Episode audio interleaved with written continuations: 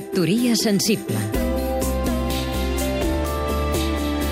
Ignasi Vidal Folk, escriptor i periodista cultural.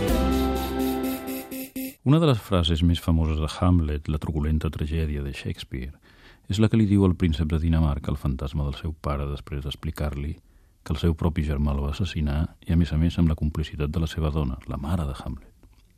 Tot d'una canta el gall i el fantasma se'n va a correcuita, perquè aquesta hora els fantasmes han de tornar a l'ultramón, com les noies a casa dels pares a les 10. Però abans d'esvair-se, el fantasma encara té temps de dir-li al seu fill «Adie, adie, adie, remember me», és a dir, «Adeu, adeu, adeu, recorda't de mi». Sentir la veu melanjosa dels fantasmes i veure la seva ombra o la seva transparència era una idea fantàstica i inversemblant fins fa molt poc, però a partir d'ara serà una experiència habitual per a tothom. Com és això possible?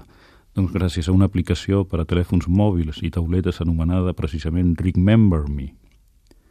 És un prodigiós invent de dos enginyers informàtics espanyols que permet enviar missatges, vídeos, fotos al futur, perquè el destinatari els rebi exactament el dia i a l'hora en què el remitent ho ha programat. Per exemple, un pare pot enviar avui un missatge perquè el seu fill el rebi dins de 30 anys quan ja no sigui operatiu sobre la Terra. És clar que aquest avenç de la informàtica s'ha pensat com a eina cordial per felicitar festes als amics, per enviar sorprenents missatges d'amor al futur. Però és clar, la mateixa tecnologia admet també altra classe de missatges. Missatges del passat animats per un ànim molt i molt diferent. Factoria sensible